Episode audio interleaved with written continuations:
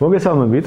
ვაგრძელებთ ჩვენ სერიას ჯარზე, ჯარის რეფორმაზე. ჩემი სტუმარია პატა მანჯგალაძე, სტრატეგია აღაშენებლის ერთ-ერთი ლიდერი, პარლამენტის წევრი. ახლა ბოიკოტში ხართ.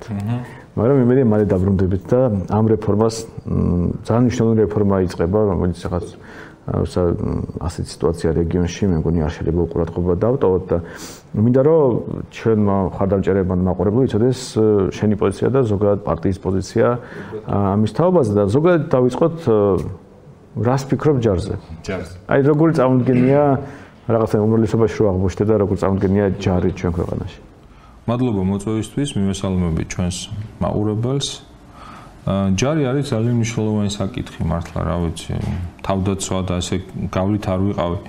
იცი 2008 წელს მუშაობდი პარლამენტში თანამშრომელი ვიყავი და დამოუკიდებლად რეზერვისტიც არ ვიყავი წავედი ავიღე სამხედრო წავედი გორში.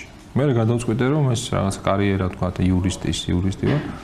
ჯარში მოხვედრილი იყავი ნახე კონკურსი იყო გამოცხადებული გავიარე კონკურსი და მოხვდი რესურსების მართვის და კონტროლის დეპარტამენტში თავდაცვის სამინისტროში. 6 თვეში კარგად აუღე ამ სისტემებს და გავხდი დეპარტამენტის უფროსი. ანუ ჯართან ესე გავლით არა ვარ, კარგად ვიცნობ და შიგნიდან ვიცნობ ამ სისტემას და 2011 წლამდე ანუ 3 წელი მუშაობდი. და პირადად ვიცნობ ამ ოფიცრების შემოგონობა როგორც ახლა მართულობთ გოლშია, ხო? მეტაური თავდაცვის ძალების და ამ შემდეგ ყველას უშუალოდ და პირადად ვიცნობ. ერთი რასაც უყურებთ თქვენ ჩვენ აქედან ჯარს და ერთი შიგნიდან დანახული სისტემა. ძალიან ასე ვთქვათ, ზვირად ღირებული ფუფუნებაა სინამდვილეში. თავდაცვა, ესე უნდა ვთქვათ. და ასევე დროში გაწელილი პროცესია, უცებ ოფიცერს და მაღალი კადრის სამხედრო პირებს, ესე უცებ ვერ გამოუშვებ. ეს კოოპერატივი არ არსებობს, უცებ გამოუშვებ. და დიდი როლი შეასრულა ამ პროცესში, რასაც ვაკვირდებოდი, მისიებმა, პარტნიორებთან თანამშრომლობა, სხვადასხვა მისიები და აი ძალიან ასე ვთქვათ, საკმაოდ კარგი ოფიცერთა შემადგენლობა არის ჩამოყალიბებული ქვეყანაში, მაგრამ იმის გამო რომ ასე ვთქვათ კარიერული სისტემა არ არის დახვეწილი ქვეყანაში ძალიან ბევრი ადამიანი მიდის ჯარიდან სოციალური დაცვის გარანტიები დაბალია ვთქვათ. ეხლა მესმის რომ პატრიოტი და გადადო თავი მაგრამ არსებობს გინდა ადამიანს ხო?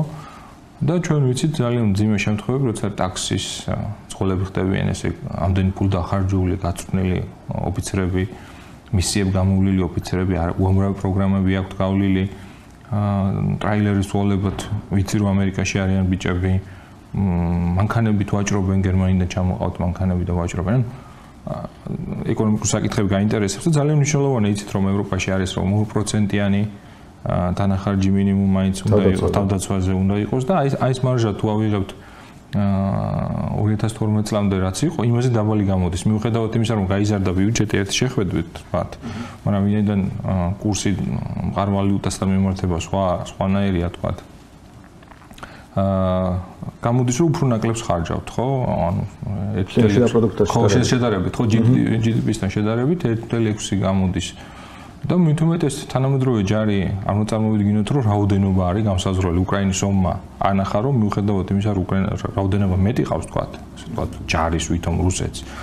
ნახეთ რომ ტექნოლოგია არის გადამწყვეტა ტექნოლოგია ძვირი სიამოვნება. ამიტომ ეხა მატებაც იყო ხო 20%-იან მატებაზე საუბრობენ ხო? ბიუჯეტით არის 20%-იანი მატება. ინფლაცია რამდენია სანდრო დაახლოებით? ცენტოს 10%-ია 10% და ჯამში რაც ქართული ოცნება მოვიდა რამდენი გამ ბევრია 80-90%. წარმოგიდგენია ხო? აი 90%-იანი მეც მაგის თქმა მინდოდა 70-80%-იანია ინფლაცია. და მეომრის ეხლა ჯარისკაცის ასე ვთქვათ, ხო, თავდაცვის ძალების წარმომადგენლის გაიზარდა 20%-ით. ანუ ადამიანი ბევრად უფრო გაღარიბდა ამ ხელფასიდან გამომდინარე, ვიდრე მანამდე ქონდა 2012 წლამდე, ხო? და მე პირდაპირ ვიტყვი რომ პროფესიული არმიის იდეა მომწონს, რა თქმა უნდა. და ამასთან ერთად პატარა ქვეყნებისთვის აი ფინურ მოდელზე ლაპარაკობენ, თქვა ესტონურ მოდელზე. მარტო პროფესიული არმიის საქმე არ უნდა იყოს თავდაცვა, ასევე რეზერვის სისტემასაც ვემხრობი. რეზერვის სისტემას რატო? იმიტომ რომ მარტო ჯარის ამოცანა კი არ იყოს საფრთხის დროს თავდაცვა, არამედ სამოქალაქო ადამიანს, მოქალაქესაც შეეძლოს რაღაც ნაწილი გახდეს და კარგია ესტონური მოდელი, თო პროფესიობის მიხედვით არის დალაგებული, მაგალითად მე თუ არ IT სპეციალისტი, ტოპს გერდა კი არ ვიომებ ავტომატით თქვა. ჩემი პროფესიის შესაბამისად შესაბამის პროფესიულ თანაყოფში ვიქნები განაწილებული. აი ესე თუ ავაწყობთ ეგრეთ წოდებულ ტოტალურ თავდაცვას, უყვართ ეგ სიტყვა ტოტალურ თავდაცვა. ტოტალურ თავდაცვა რას ნიშნავს, რომ არა მარტო თქვათ ჯარი იბძვის, არამედ ერი იბძვის, ანუ ყველა ვიბძვით, რისაც ძირითად შეგვიძლია ჩანგლითაც მათ შორის. მაგრამ ეს არის ხატოვანი გამონათქვა. ისე ამას აწყობა უნდა ამ სისტემას და მარტო სამხედრო არ არის, ხო, ეს ჯარი მე შიგნით რო ვიყავ, გავიაზრე რომ სამოქალაქო თავდაცვას მნიშვნელოვანია ანუ ეს რეზერვის ნაწილი რომ მობილიზება შეძლო უცებ აქტიური რეზერვის. ასევე არის ეკონომიკა. ეკონომიკასაც ანუ ეკონომიკური უსაფრთხოება ერთ-ერთი მთავარი საკითხია ხო? ეკონომიკურ თავდაცვისა ჩვენ რაც დრო გადის თუ ავიღებ სტატისტიკებს იცით სასუცოცხლო რესურსი რასაც ქვია ხო? ადამიანისთვის ხორბალი საწვავი რაღაც.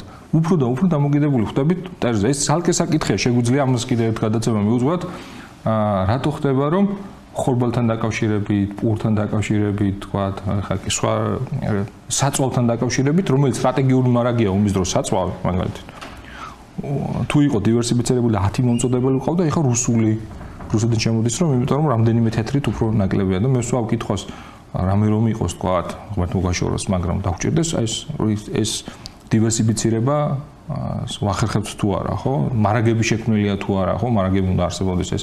ხო, ზოგადად შეგვაწყვეტენ, ხო, ჩვენი პრობლემა რომ ამაზე ხარ ვლაპარაკობ. ხო, უნდა ვილაპარაკოთ. რომ ამაზე მაგალითად გითხარ, რომ ჩვენ რა სხვა წყაროები გვაქვს დაზღველი, არ ვიცი. არა, არ ვიცით და ხო, არ ვიცით და ვითომ საიდუმლო და ამ დროს სიცარიელი არის ამის უკან და ჯარი მაინც ზე პოლიტიკური თემა არის, ხო?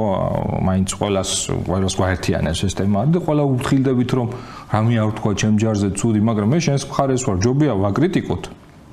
თავის დროზე შვეიცარიის მაგალითს რო იცახენ გადარჩა ჰიტლერის ოკუპაცია. რატო? იმიტომ რომ დაიწყეს ლაპარაკი რომ პრობლემა ქონდა ჯარს, რომ დააზღვიოს 37-ში, 38-ში, 39-ში, როცა ჰიტლერს მოუვიდა შვეიცარიის დამპყრობის გეგმა, თქვა რომ ისე ძლიერია თავდაცვა ტოტალური და რეზერვი და ჯარები შვეიცარიის არ მიღირს ომის წარმოება. აი თუ არ ვილაპარაკებთ და იქნებით სუსტები, აა და არ დაგვავიწყდეს ასევე ეკონომიკურ თავდაცვასთან და უსაფრთხოებასთან ერთად მნიშვნელოვანი არის ფსიქოლოგიური თავდაცვა.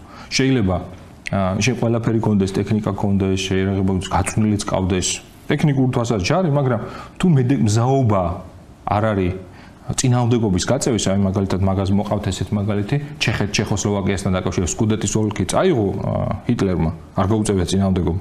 მე პრაღაში შევიდა და დიდი წინააღმდეგობა არ ყოფილა, მიდომეთ ეს თვითონ უშვებდა ყველაფერს, მის წარმოება ქონდა ამას ჩეხეთს, მაგრამ ვერ გაწია წინააღმდეგობა. აი ამის მეშინია ყველაზე მეტად ეს სიტყვა მეშინია ცუდია, მაგრამ ადამიანურად მეშინია რომ აი სიბრიდული ომიდან გამომდინარე რომ შვიდობა, შვიდობა გვინდა. მე ის კი ეს მეშინია, აი წამოგინეთ ჩვენ რას პოლარიზაცია რო გვაქვს საზოგადოებაში, ხო აი როგორც აი გავიყავეთ თქვენ საზოგადოება. აი ხარო მე პირველად ღარიბაშმა თქვა რომ ამე რომ მოხდეს მართლა დაგვიფაროს მართლა და აი ხო შეიძლება ადამიანს უბრალოდ ელემენტარულად ამ ასეთი ერთმანეთზე წამოდგენა რო აქვს. აი ღარიბაშები არსებობს. საუბრობს ხო ამ ჯარს და რა რა არსებობს მაგის მაგალითი არსებობს. თქვენ იცით კანონიერი ხელისუფლება პირდაპირ თქვა სამოქალაქო არ მიყვარს. პირდაპირ რუსეთის აღიზებულმა ჯგუფებმა დაამხეს რუსეთის ამერიკავკასიის სარდალი ბეპავი ხსნის როგორ რამდენი იარაღის როგორ მისა და სპეცოპერაცია ჩატარდა. შემდეგ აფხაზეთის კონფლიქტი დაიწყო მალევე და ვერაფრით ვერ შეძლო ამ ზუიადისტების ანუ პირველ პრეზიდენტის მომხრე გვედანაყოფებმა ანუ კანონიერი ხელისუფლების გვედანაყოფებმა და ხუნტას ეძახდნენ ანუ შავნაძის ხო აი კოორდინაცია ვერ მოხერხდა. არენდობოდნენ ერთმანეთს იყო შემთხვევები როცა ეს ჯგუფები გავიდნენ და ზუგიდან თავდასხმის საფრთხე საფრთხე იყო და პირიქითაც იყო როცა უკან დახეული ჯარებს ამ ხალხმა ჩამოართვა იარაღი ამ შავნაძის ძალებს ანუ ობიექტურად უნდა ვთქვა ხო მიზეზებს არ შევყვებით ახლა რა იყო როგორ იყო. ანუ ეს ეს სწორედ ეგ არის საინფორმაციო დივერსიის ამოცანა ციბრიდულ ომში რომ აა ჯერ განხეთქილება დათესო აქტიურ ჯგუფებს შორის. და შემდეგ მოახდინო ასე ვთქვათ იმ დონეზე შიში შემოიტანო რომ წინამდებობას აზრი არ აქვს. და რაც რა მიზნებსაც უნდა მიაღწიოს წერმა ომით ამას აღწევს იგივე მიზნებს. ანუ თუ შენ შიში გაიხადე მთავარ ამათ რა ქვია შეგეშინდა მოწინააღმდეგის და მოწინააღმდეგის გულის მოგება გაიხადე. თავდაცვის სტრატეგიად? თან ახლა დაწუნებული რომ მე შენი გვეზე მდგომი შენიანია ეს ხო გახეთქილება სამოქალაქო შიგნით ერთიანობა არ არის ეროვნული და მეორე თუ განიხა მიზანი გაქვს რომ რუსია არ გავაღიზიანო. ეს ნიშნავს რომ მან უკვე ფსიქოლოგიურად მოგიგო. ანუ შენი ამოცანა თუ მტრის ნებაზე მიდიხარ და თავარი ამოცანა არის არა ქვეყნის ინტერესის დაცვა, არამედ არ გაღიზიანება. ამან ხო მოგიგო და სუნძი ამბობს რომ ყველაზე დიდი ომი, წარმატებული ომი არის გამარჯვება ბრძოლის გარეშე. ბრძოლის გარეშე და ამას ქადაგებს ყოველდღე ქართული ოცნება და დღევანდელი კობახიძის განცხადება რომ უკრაინას რუსეთს აქვს წარმატებებიო პროპაგანდა რა წარმატება აქვს სამ დღეში უნდა აიღოთ ყველაზე ცუდი სცენარი სპეცოპერაციის დროს ერთი კვირაში კიევი უნდა აიღოთ და ჩვენ ხედავთ მედგარ წინააღმდეგობას უწევს უკრაინა და შეკავებაზე კი რომ შეტევაზეც არის ბევრი მიმართულებაზე გადასული ხო? ამის პროპაგანდა საქართველოსში რომ უკრაინა მარცხდება და დასავლეთ მეორე ფრონტის გახსნა უნდა პიარში ასავლიან სანდრო ისეთ რამეს რომ როიმეორებ ამ ამ მეორე ფრონტს სადღაც კიდეც ეხმარები ქართულ ოცნებას მაგრამ საერთოდ არ ვილაპარაკოთ და ცალკარში ისაუბროს ამაზე და ჩვენ არ ვთქვა ანუ მეორე ფრონტი რას ნიშნავს აი თვითონ გზავნილი არის რუსული ანუ პირველი ფრონტი ვინ გახს? ანუ მეორე გახსნა უნდა დასავლეთ, ანუ პირველიც დასავლეთმა გახსნა. ანუ ეს ეს სრული აბსოლუტურად 100% 100%-ით ხო რუსული ნარატივია, სანდრო რომ შორ შორ წავით, უბრალოდ მე საი მეგეთყვი ეს იმდენად ჩემთვის აბსურდია და ეხლა რამდენი დიპლომატს დაუწყია ჩვენ საუბარი, რომ თქვენ მართლა გჯერათ თუ ამის. აი, ჩვენ მეორეც კაბელი გავყავსო. ხო? ინვესტიციებს დებენ. ეხლა კიდე 60 მილიონი გამოყვეს რეფორმებისთვის. ანუ იმიტომ გვაფინანსებს და იმიტომ გაყავთ კაბელები და კოცები ძახიან ჯარი არ ყავსო, ხო? ანუ რა გამოდის? უცებ გაიხსნება მეორე პროდუქტი სწრაფად წავაგებთ და რუსები შემოვლენ და ეგ არის დასავლეთის სამოცანა? აი ამ ჯერ სისუსტეს რო ამჟღავნებ. ან ტრისთვის ამახასიათებელი რა, წამახალისებელი რა არის, რომ ძლიერი ხარ ბძოლას აპირებ ეს სიგნალი თუ სუსტი ვარ და ერთი ფეხი დამთხი და აი ხო ყურე აი ამ ფონზე, ამ უსნაურ ფონზე, როცა ასეთი პოლიტიკა და გეთანხმებით და ჩვენც მათ შორის იაგოყვებოდა პარლამენტში ამაზე რომ აი ამ ქართული ოსტიმის ასეთი პოლიტიკის ფონზე როცა გამოდიხარ და ამბობ რომ ეხლა სამხედრო რეფორმას ვიწყებ რომ ძლიერი ჯარი მეყოლებაო რა ცოტაღაც არ არ ჯდება თვათ მაგრამ რაც არ უნდა იყოს გააცხადეს რომ რეფორმას ვიწყებთო და სხვადასხვა რა შენ თქვი ეს ფინური მოდელი ამაზე იყო ნუ ფორმალურად ამაზე დგას. ხო. აა და ერთ-ერთი ელემენტია რომ მოდით გავიწიოთ ხალხი რაც შეიძლება ბევრი ნუ რამდენსაც შეიძლება რესურსების გათვალისწინებით. სამშობლოს დამცველები და დიდი რეზერვი ავაწყოთ, ასე შემდეგ. ნუ მე ხა გვერდზე გადავდებ საერთოდ რა იარაღი გვაქვს, რამდენს ხარჯად იარაღი შესყიდვაზე, იმიტომ რომ ეს სხვა თემაა. ხა მუსკულატურით ვერ მოიგებავს. მართალი ხარ, ხა უკანაში კი ბევრი ადამიანი იყავთ, მაგრამ ჰაიმარსები რო არ კონდეთ და წესერი артиლერია და ასე შემდეგ, ნუ რაოდენობით ვერაფერს ვერ უზამდნენ. დრონები, დრონები. ისიც რომ რუსებს ხა რაოდენობრივად მეტი იარაღია артиლერია, ამით რაღაცნაირად ბალანსი ჯდება, იმიტომ რომ უკანას ასორებს მიწასთან იმას. ო, უკანას ნაკლები იარაღი აქვს, მაგრამ მაღალ ტექნოლოგიური, ხო? ამიტომ რაოდენობას მართლა მნიშვნელობა არ აქვს, მართლა მეროსოფლიო მიხო არა, იქაც არ ქონდა გადამწყვეტი მნიშვნელობა, მაგრამ მაინც. ხო და ამიტომ გადავდოთ ეს ფაქტორი, მაგრამ ფაქტ, ну, თვითონ გაწევით და ჩვენთვის მნიშვნელოვანი არის ის, რომ მოიწო ახლა ხალხი გავიწიოთ. ოღონდ აი ამ ხალხს ვისაც გაიწევენ და მე ხა აი ესაც ჩემთვის თავარია იმაზე მინდა გავაკეთო აქცენტი. აა რომ გავიწევთო, ძალით გავიწევთო და თან 125 ლარს გადავხდითო თვეში, თან იქაც ფორმა რაღაცები აკლდება და რაღაც ძალიან სოციალურად ნახები გამოიწვია. ისაც ასოციალო 125. ხო და ჩვენი პოზიცია მარტივია. და გადასახადს ვაწესებ თუ ვინც თუ არ არის. ხო და 10000 გადი თუ ერთი წელი და 10000. ხო, ანუ სოციალური დაუძველების ჯარი უნდა გააკეთონ თან, ხო? კი, რა თქმა უნდა, იმიტომ დიდარი თუ ხარ ახლა, ახლა დიდარი საშუალო ფენსიო ხარ, ახლა უნივერსიტეტში ჩააბარებ, მაგისტრატურაში ჩააბარებ, დოქტორატურაში ჩააბარებ და ეგა, უბრალოდ დაგიჟდება რამდენი ის მაგისტრატურა, თქვა 2-3000 წელიწადში, აი ეს არის შენი გადასახადი. კი, აირიდო თავი. ხო და თუ ძალიან დიდარი ხარ, შეიძლება 10000 გადაიხადო, არ იწვალო უნივერსიტეტში შეარულ. ხო და ამიტომ სანდვიჩი ხო ყველაზე ღარიბ მოსახლეობას ეუბნებიან რომ ძალიან წაიყვანო და 125 ლარად გამოშავებთ. კი. ხო და ჩემი წინადადება მარტივი რომ მოდით ახლა ამ ხალხს წესერი ხელფასი გადაუხადოთ. თქვა რა საშუალო ხელფასი ქვეყანაში რაც არის ის გადაუხადოთ ან თუნდაც ეგ კარგი თემაა სხვათა შორის რომ სოციალური დაცვა, ანუ ხელფასი კონდეს ღირსეული, მართლა. იმიტომ თუ ღირსეულია, თუ პატრიოტის მეძახით, რომ მიდი აუცილებლად მიგვიდა, ხელფასი შესაბამისად და მიდუმ ქართული ოცნების კოორდინატორზე მეტი მაინც ხონდა კონდა. ხო, ავიცი, მე მინიმუმ საშუალო ხელფასის გავსი ხონდა კონდეს ადამიანს, რომელსაც შენ ამბობ, რომ ეს ადამიანი დაგვიცავს.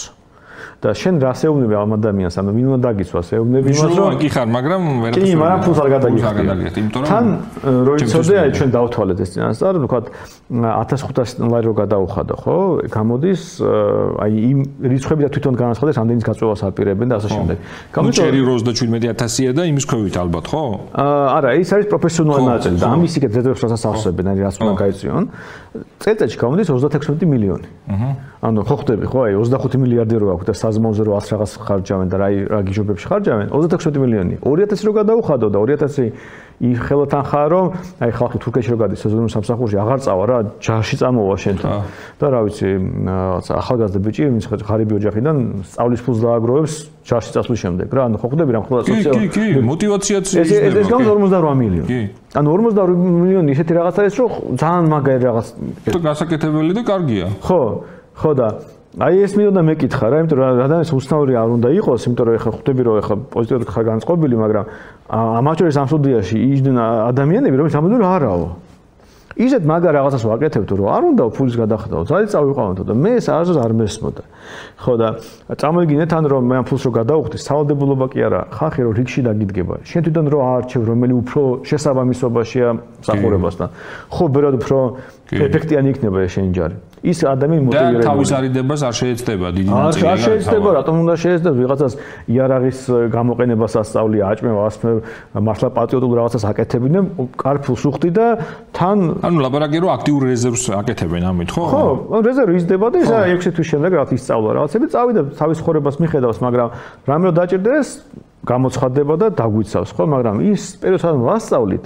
ცხოვრება კი არ უნდა დავაკარგინოთ რაღაც ცესხი თუ აქვს რო ვერ გადაიხადოს თუ ოჯახში ვინ ყავს ვისაც მოვლაჭდება რაღაც და იმისათვის რომ ეს იწვალოს მეუბნებით მოდი შენ ღირსეულდი იმსახურე და რაღაც თავრობა თუ არის შეიძლება ხეს პათეტიკოდ ქვეყანა დაგაფასებს რა. და ეხლა თავრობა ამბობს რომ მე გაფასებ 125 ლარადო თვეში. კი და აქამდე აკეთებდნენ რომ დაცვაში აყენებდნენ ხო ხო და დაცვაში სიძღვილი საერთოდ და შორის სანამ ეს ამოქმედება 25 წლამდე დაცვაშიც დააყენებენ. ხო დაცვაში აყენებენ ახარავის დგას და ისითლება 25 წლიდან აქ სამხედრო უნარებს იძებს ან საბრძოლო უნარები აქვს არც არაფერი ჩაულებრივი აი რა ვიცი არ ვიტყვი სიტყვას. ხო და ასეთი ჩვენი ინიციატივაა და რას ფიქრობ შენ? არა მე ვფიქრობ პირველი თავდაცვაზე რაზეც არ მენანება დავხარჯოთ თანხები არის ერთ-ერთი მიმართულება თავდაცვა. რა თქმა უნდა, სტიმულირება ეკონომიკის, იმიტომ რომ ეს პირდაპირ რესურსი თუ არ გაქვს, ამას ვერ ვერ განავითარებ, და ყველა წარმატებული არმიები, წარმატებული არმიების უკან წარმატებული ეკონომიკა დგას, ხო? და ისეც პარადოქსია ხო ხალხი შედარებას აკეთებს რუსული არმია თუ ამერიკა და ბიუჯეტები ვავიღოთ ხო რაც არის თელი რუსეთის ბიუჯეტი იმაზე მეტია ამერიკის სამხედრო სამხედრო ბიუჯეტი რა ლაპარაკობ იმიტომ რომ კაგი რაღაც თქვი ფინეთის ჯარს აკოპირებენ ამბობენ რომ ფინეთის ჯარი ძალიან ძლიერი არისო და ერთად შევყევი ერთ-ერთ ამ იდეის ხარდაჭერს პარლამენტში და აი 39 წელს ხომ მოუგო რა. ანუ ეს არ მოუგო და წააგო მაგრამ ისტორია ხო? ხო მაგრამ 39 წელია რა ანუ ახლა ახლა 2020 ის რაოდენობა მართლა გადამწყვეტი იყო რაღაც ეტაპზე კი კი და თან ბევრი სხვა თან წააგო ფინეთმა ის რომ უბრალოდ ისე წააგო რომ შეინარჩუნა დამოუკიდებლობა ანუ რაღაცნაირად. ხო ტერიტორიის დათმობა მოუწია? კი ძალიან დიდი ტერიტორია 20%-ის და ხო მაგრამ რომც ასე არ იყოს ფინეთის მე მეუბნები რომ აი ფინეთის ჯარი ორი რეიტინგებში მაღლა არის და მართლა რაღაც 54 ადგილზეა თვალ ვიზიტები. და რითი დიდ არის ის მაღლა? დიდარი ქვეყანაა და ძალიან ბევრი არ არის. ხო და მაგასო ეკონომიკის გარეშე არ არსებობს ძლიერი. პირველ ადგილზეა დასავლეთ ევროპაში საარტილერიო სისტემებით. ანუ არტილერია აქვს კარგი თანამედროვე რაღაც და ნუ ცხადია წინ იქნება. იმიტომ კი არის წინ შენაგონია რომ იქ რა ბევრი ხალხი ყავს. ის ხალხი აი ფულს ხარჯავს ბევრს. ფულს ხარჯავს. ხო და მეუბნები რომ მოდით ადამიანს ვინც მოდის ფული გადა ფული ოდნავ ხელფასი მაინც. შეიძლება არ გამდიდრე 1500 ლარის გამო მაგრამ მინიმუმ რაღაც მაინც არის რომ შენ ამ ქვეყნის მასშტაბში რაც ხო მაგრამ თუნდაც ფინურ მოდელს შენ რასაც ლაპარაკობ მე რაც გავიგე რანაირად ეწინააღმდეგე უბრალოდ იძახი რომ ფული გადავიხადო აა ფინეთში უბრალოდ ეს შემორჩათ ეს სავალდებულო გაწევა ხო და ვიცი მაგრამ შენ ამბობ რომ ფული ამაშიც ფული გადავიხადო თუ და ცუდი რატოა და აქ იყო თეონო აბქობარდია რომელიც არ მე შენი ყოფილი თანაპარტიელი რომელიც არ მეთანხმებოდა და თან მეყვებოდა რომ ფინეთშიო იფოდეკურს ეს უსწრიცო თავრობა ოროსამსახურებს და ვერ გავიგე მაშინ მოდი გადავყავდათ ფული. ნუ ადრე კომუნისტური მე ადრე სადღაც მახსოვს რომ წავიკითხე რომ რა განსხვავება არისო კაპიტალისტურ ჯარებსა და ესო სამშობლოს დამცველს ვდიოდა. იქ დაქირავებულ მებრძოლსო და ამაშია განსხვავება სულისკვეთებაში, მაგრამ ასე პრიმიტიულად არ უნდა შევხედოთ ამ საკითხს. პირველი ამ რისკი ამ ამ სისტემის ეხარაზე ჩვენ საუბრობთ არის რომ აა შეიძლება ასე ვთქვათ სოციალურად უფრო დაუცველი მოსახლეობის ჯარი მივიღოთ და ეს უფრო ცუდია, იმიტომ რომ გამოდის რომ ამათი ვალდებულებაა სამშობლოს დაცვა და სხვა ადამიანების ვალდებულება არ არის. ამიტომ აქედან მივიდივართ. ეს არის ძალიან ცუდი ესე სეგრეგაცია თქვა აი რაღაცა ადამიანების ეს არასწორია და და იქ თქვენ თქვენ მოდელში კიდე რა სხვაობა არის? მე არ ვიცნობ თქვენ მოდელში. თავი სხვაობა ჩვენ რაც გვინდა რომ სავალდებულო არ იყოს და ფული უხადოთ ისეთი რომ ადამიანი ნებაყოფით მოდიოს. აა და მაგ თავარი კიდე ალბათ დათვლილი იყოს ხო? რამდენი გჭირდება და რის რესურსი გვაქვს? ეს არა ყველა გჭირდება და ყველა ყველგან იბძოლებს ეგრე არ არის ხო არა თან აქედან იწყება იცი რატომ არის თვითონ კიდე ფული გადაუხადო. აი შლაგბაუმთან რო აყენებენ მართლა ბიჭებს ხო? აი აი როგორ შეიძლება ასე მოიპყრო შენივე მოქალაქეს?